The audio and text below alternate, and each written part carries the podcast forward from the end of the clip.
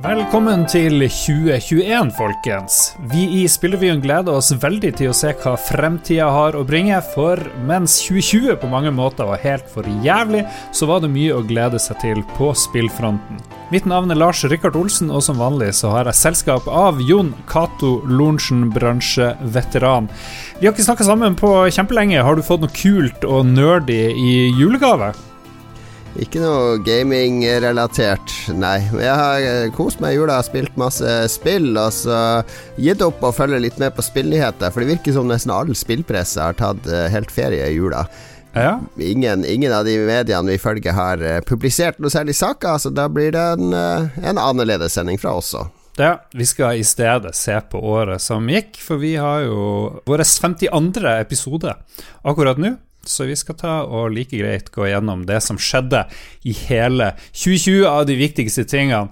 Før vi går i gang, jeg, jeg, jeg har fått noe, noe kult gaming-relatert til jul. Jeg fikk Fra min bror fikk jeg en Commodore 64 Maxi, som er en litt sånn lettvint måte inn i Commodore 64-universet. Vi har jo en del nyheter om maskinen fra 82, god gammel maskin, hold koken fremdeles. C64 Maxi, artig, full size, fungerende keyboard. Kan drive og skrive 10 print, hallo, 20 go to 10 osv. run. Det er veldig artig. Er det der dine programmeringskunnskaper stopper? Det er egentlig der de begynte, og der de stoppa. Stemmer det. Ok. Men jeg hadde sønn til han Oluf i programmering på videregående på Heggen i Harstad. Det hadde. Du, det hadde jeg òg, faktisk. jeg har glemt hva han heter. Jeg håper han har det bra. Det heter Arntzen, i hvert fall. Ja, han gjorde det. All right. Året som gikk. Vi kan begynne. Vi tar det kronologisk. Jon Cato. Ja, jeg kan begynne Det var pangstart på året med at uh, Funcom, uh, kinesiske Tencent, plutselig, som allerede hadde en, en liten eierandel i Funcomp, Funcomp, ville sikre seg hele selskapet, plutselig. Ja, etter hvert så fikk vi jo tak i Erling Ellingsen, og han fortalte jo villig om hvordan det var å bli kjøpt opp av et nytt selskap. Og ifølge han så er det jo business as usual, egentlig. For oss har opplevelsen så langt bare vært positiv. Uh, udelt positiv. Uh, de, en av de tingene som vi er veldig glad for, er at de, de ønsker å gi oss den autonomi til å utvikle selskapet og utvikle spillene våre det er ikke sånn at det, det, det er rykket inn en uh, eh, 20 menn i dress som sitter i et rom og forteller oss hva vi skal gjøre. Uh, Overhodet ikke. De er veldig, veldig fokusert på at vi, vi vet best på, på mange områder. Uh, og de har jo også stor respekt for dette med spillutvikling og spillbransjen i Vesten er annerledes i, enn i, i, mm. i, i Kina og Asia. Det var jo noen som var bekymra for at nå ble, eh, ble, Funcom eh, sensurert av eh, kinesiske eiere. Har dere opplevd noe sånn i det hele tatt? Tvert imot.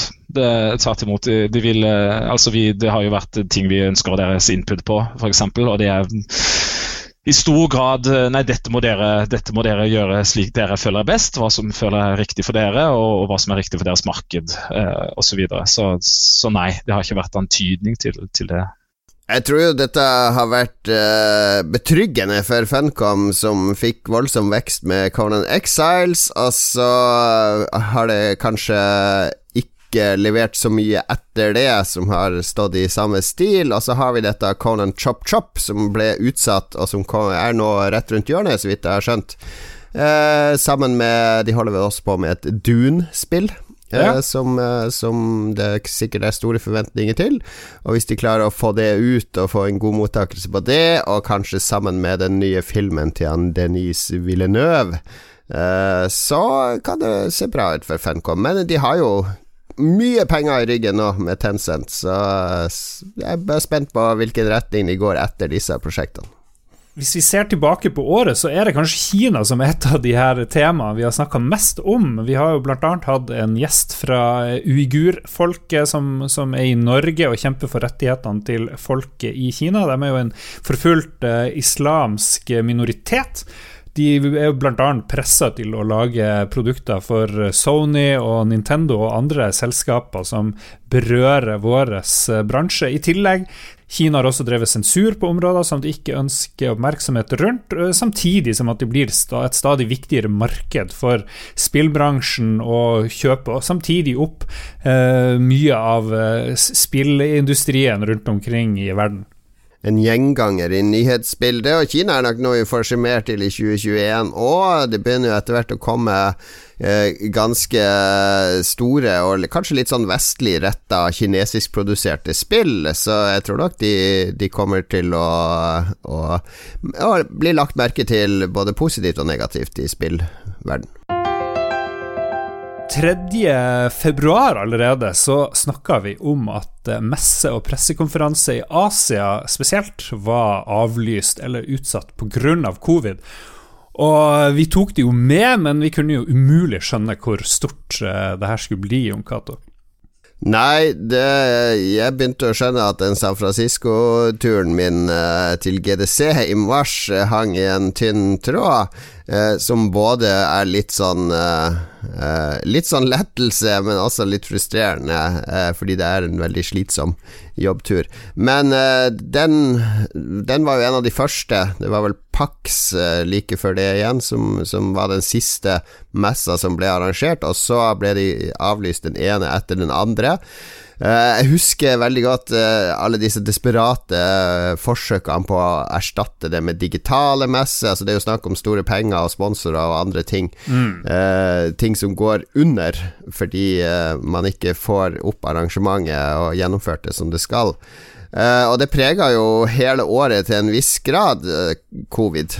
Ja, du gjorde det. Vi lagde jo en egen serie i samarbeid med Viken Filmsenter. Jeg tror det var fire-fem episoder hvor vi snakka med ulike spillutviklere, annet der. Vi snakka med Ragnar Tørnquist, vi snakka med veldig mange forskjellige folk. Og det ble en god, god serie som, som også eh, kasta lys på de, de tingene som var vanskelige og som var ødeleggende eh, under korona, men også de nyvinningen som folk eh, gjorde. Så det har jo kommet litt godt ut av det hele, selv om vi vil aldri bli å tenke på 2020 som det helt store året. Ja, og det er jo altså sånn at covid eh, Altså, den ene sida er jo at det har blitt mye vanskeligere for utviklere å nettverke og dra på disse eventene og knytte kontakter og alt sånt. Men på den andre sida så er jo spillkonsumet gått veldig opp, og det å produsere og lage spill vel, var vel det vi fant ut når vi snakka med de norske, og det vi har inntrykk av internasjonalt, at det har ikke blitt påvirka i f.eks. like stor grad som f.eks. filmbransjen og andre som er mye mer avhengig av å samle crews på locations og, og, og reise og Så, videre. ja. så Så det, det, har vært eh, Det har vært både positive og negative konsekvenser av covid for spillbransjen. Nå på slutten av året så har vi jo sett at uh, selskap som Nintendo og Sony har mm, kjempehøy aksjekurs. Capcom og andre har meldt om rekordår når det gjelder omsetning og verdi. Ja, jo da. Jeg lurte på hvor mye Cyberpunk 2077 uh, launchen, hvor mye det kan forklares eh, med korona, eller om det alltid ville være et litt, eh, litt rotete spill på launch. Nå har det jo solgt 13 millioner eksemplarer, da. Etter at det kom, per 20. desember, så det, det, er jo, det er jo en suksess på en måte, uansett. Behovet for nye og spennende spill er jo sterkt. Det har jo hatt noen andre effekter òg her i Norge. For eksempel så skulle det jo nå neste helg, eh, tradisjon tro, så skulle det vært eh, både NM i gameplay, denne årlige eh, konkurransen der eh, spillutviklere og amatører kan konkurrere skulder om skulder med å lage et spill med et tema, jamme fram et spill på en uke. Eh, og det skulle også være Kavalkaden, eller Spillprisen som det også kalles, den årlige prisutdelinga for norske spill. Begge disse har blitt eh, utsatt pga. korona. Apropos priser, så jobba jo du Jeg husker ikke jeg når du slutta jobben din, men du jobba jo inntil nylig for Krillbite, og eh, der fikk jo du pris 28. mai, husker jeg. Ja, vi fikk pris, ikke jeg, men vi Jo, det var Nordic Game eh, som ble avholdt digitalt det året. Der hadde jeg et foredrag, faktisk. Eh, Og så var det Nordic Game Awards, som da var en digital prisutdeling dette året. Og det så vi på Ball i Oslo, uh, utestedet. Der hadde vi samla et lite knippe mennesker fra den norske spillbransjen for å se det live, og der fikk vi Juries Special Mention-prisen uh, under utdelinga til Mosaikk. Ja, det var jo mange norske spill som uh Fikk eh, nominasjoner til Nordic Game Awards. Jeg husker Moons of Madness, Draugen og Degrees of Separation var alle nominert, og konkurrerte jo med store ting som Division 2, Sayonara Wild Hearts og Control. Så det var et godt selskap eh, dere var med og vant pris i der i Krillbite. Vi lagde en spesialserie om norsk spillbransje og korona, men vi lagde også en helt eh, egen episode om norsk spillindustri og, og spesielt kvinners opplevelser med metoo, og den eh, sendte vi 6. juni. Og det er vel kanskje den episoden vi la mest arbeid i hele fjoråret, Jon Cato. Jeg vet ikke åssen ting fungerer med sånn Scoop-pris og sånn. Man må kanskje melde seg på, det koster masse penger, men det kan du som er i medieverden eh, sikre, Lars. Men ja, det er liksom Det er den episoden vi har jobba mest med. Det var veldig mye forarbeid, mye research, eh, og vi fikk snakke med veldig mange mennesker som eh, delte sine erfaringer og opplevelser. Og det er jo en tematikk som har vært helt siden metoo eh, kom på banen første gang, der eh, minoriteter og, kvinner har delt historier fra spillbransjen og ubehagelige opplevelser. Og så var det, roa det seg litt, og så kom det en ny sånn der eh, bølge nå i vår, eh, leda an av eh, noen ganske drøye avsløringer fra Ubisoft sin selskapskultur. Ja, vi kan jo ta og høre noen klipp fra metoo-episoden vår om norsk spillbransje. Jeg heter Henriette Myrlund og jeg jobber eh, i mitt eget firma som heter Telecherry Games. Det jeg opplever, eller i hvert fall det jeg hører fra andre, spesielt eh, på sånne type messer sånn som Gamescom, er at når man er ute på en bar f.eks. og er der veldig tydelig fra nettverket, så er det mange som opplever at man ikke blir oppfatta som likeverdig. Altså at er man ei dame, så er man et uh, up for grabs. Da skal man prøve seg på dem i stedet for å prate business. Og det har du opplevd um, sjøl, har du ikke det? Det verste var vel uh, en, en, fyr som jobba med, med streaming og investering og publishing og sånt. Og, han, og det fikk jeg ikke vite for ganske langt ut i samtalen, for samtalen starta med at han lurte på hva jeg um, jobba med. Han så fortalte at jeg jobba innenfor spill, og, og egentlig prata ganske lenge. Og så spør han ja, hvor mange følgere har du på Twitch? Hva, følgere på Twitch? Hva er det du mener? 20, kanskje? Jeg bare OK, uh, ok, uh, en på YouTube. Er ingen sikkert. Den driver ikke med streaming. Og han bare Å ja. Jeg trodde du drev og streama. Nei, nei, jeg jobber med spill. Ah, OK. Uh, kan jeg kysse deg? Og jeg bare What?! nei, det kan du ikke. Og så bare sto jeg der litt og bare kjekk på han, og så sa jeg ha det.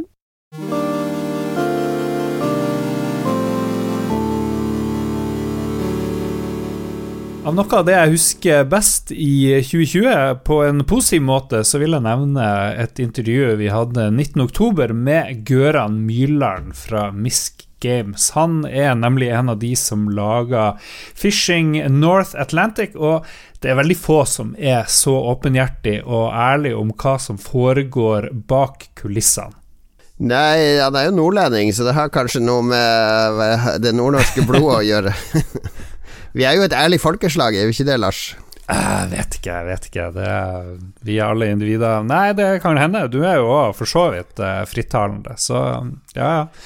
Ja, men det er mange, veldig mange som er uh, redd for å brenne broer eller tråkke noen på tærne eller si noe feil eller uh, så, Og det fører til at man blir fort veldig litt sånn overforsiktig.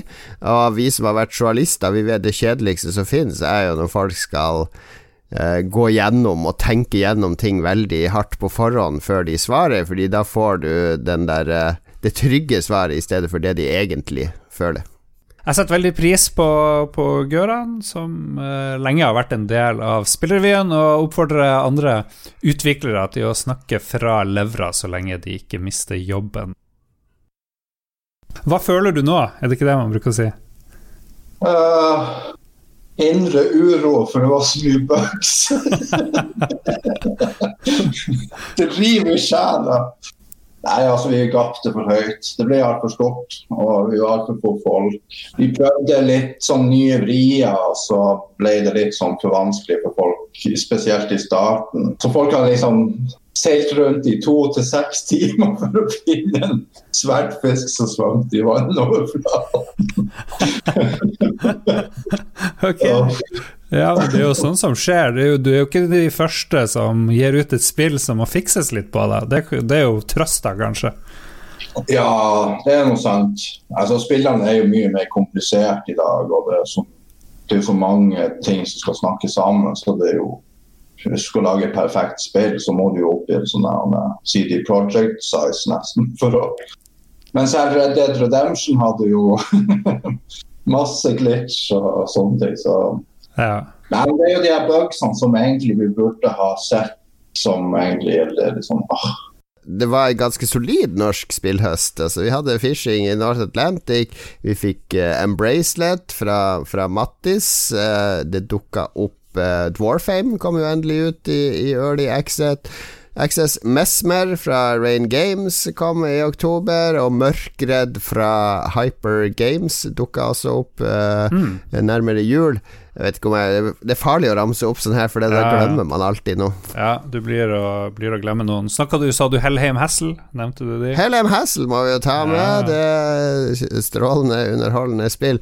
Så jeg syns det har vært mange gode norske spillanseringer. Jeg hadde egentlig gleda meg veldig til den årlige prisutdelinga, eh, fordi eh, nå er det såpass mange eh, som fortjener å vinne i ulike kategorier, at eh, mm. det er mer spennende enn det har vært på mange år, kanskje.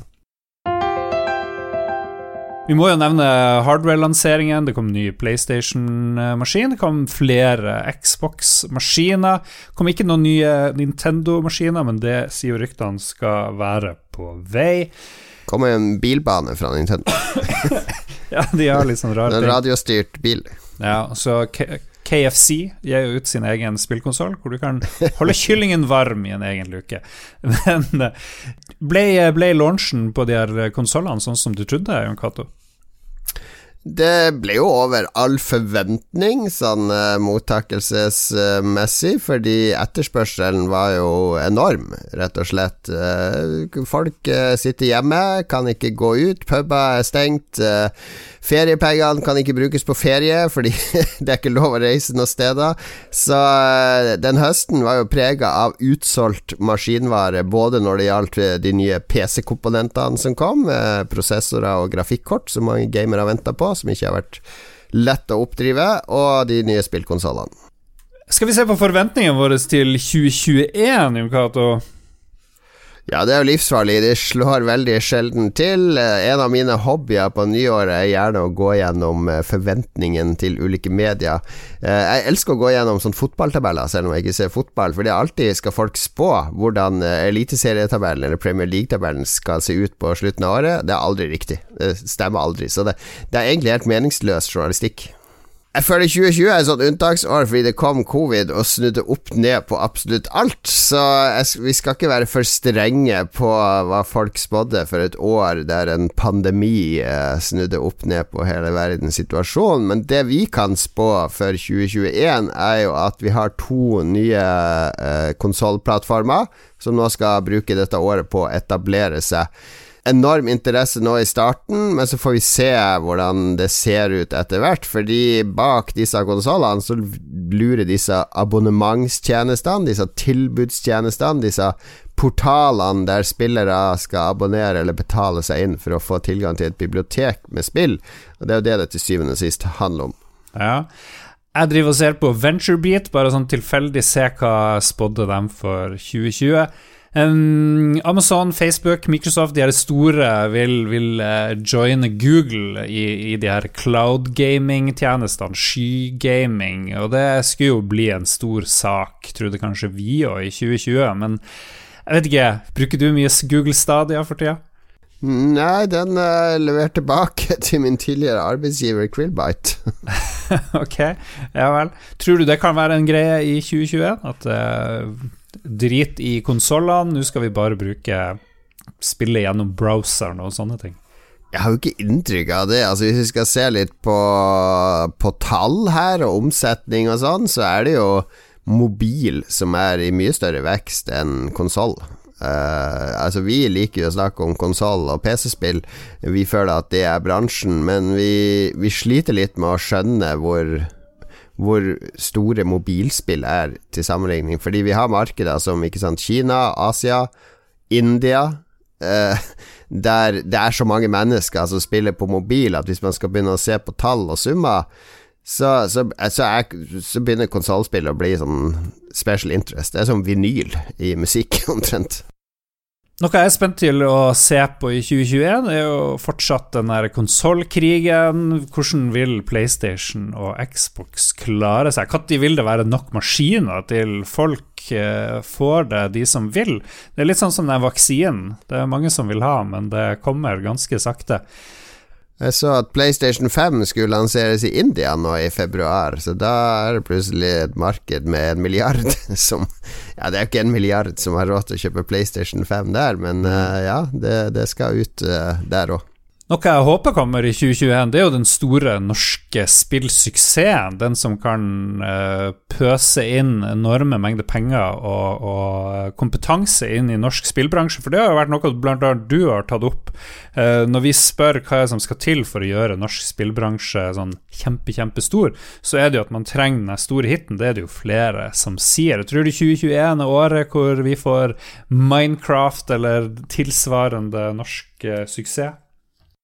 Jeg håper det. Så det vi trenger, er jo to eller tre selskaper på størrelse med Funcom, med nok personer som sirkulerer i selskapet og, og, kan lære opp andre selskaper. Så vi har ikke den der eh, erfarne, eh, etablerte storselskapskulturen i Norge på spill, eh, som ikke nødvendigvis er noe å trakte etter for alle spillutviklere, men det, det skaper et tak og, og, noe å strekke seg etter, og en kompetanse på internasjonal spillutvikling som kanskje er det vi mangler litt i Norge, for å nå opp til Sverige og, og Finland, og for så vidt Danmark òg.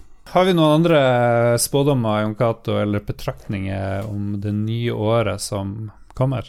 Nei, det er eh, Det som alltid er mest spennende, er å se hva Nintendo finner på. Eh, papp eh, Bygge papp.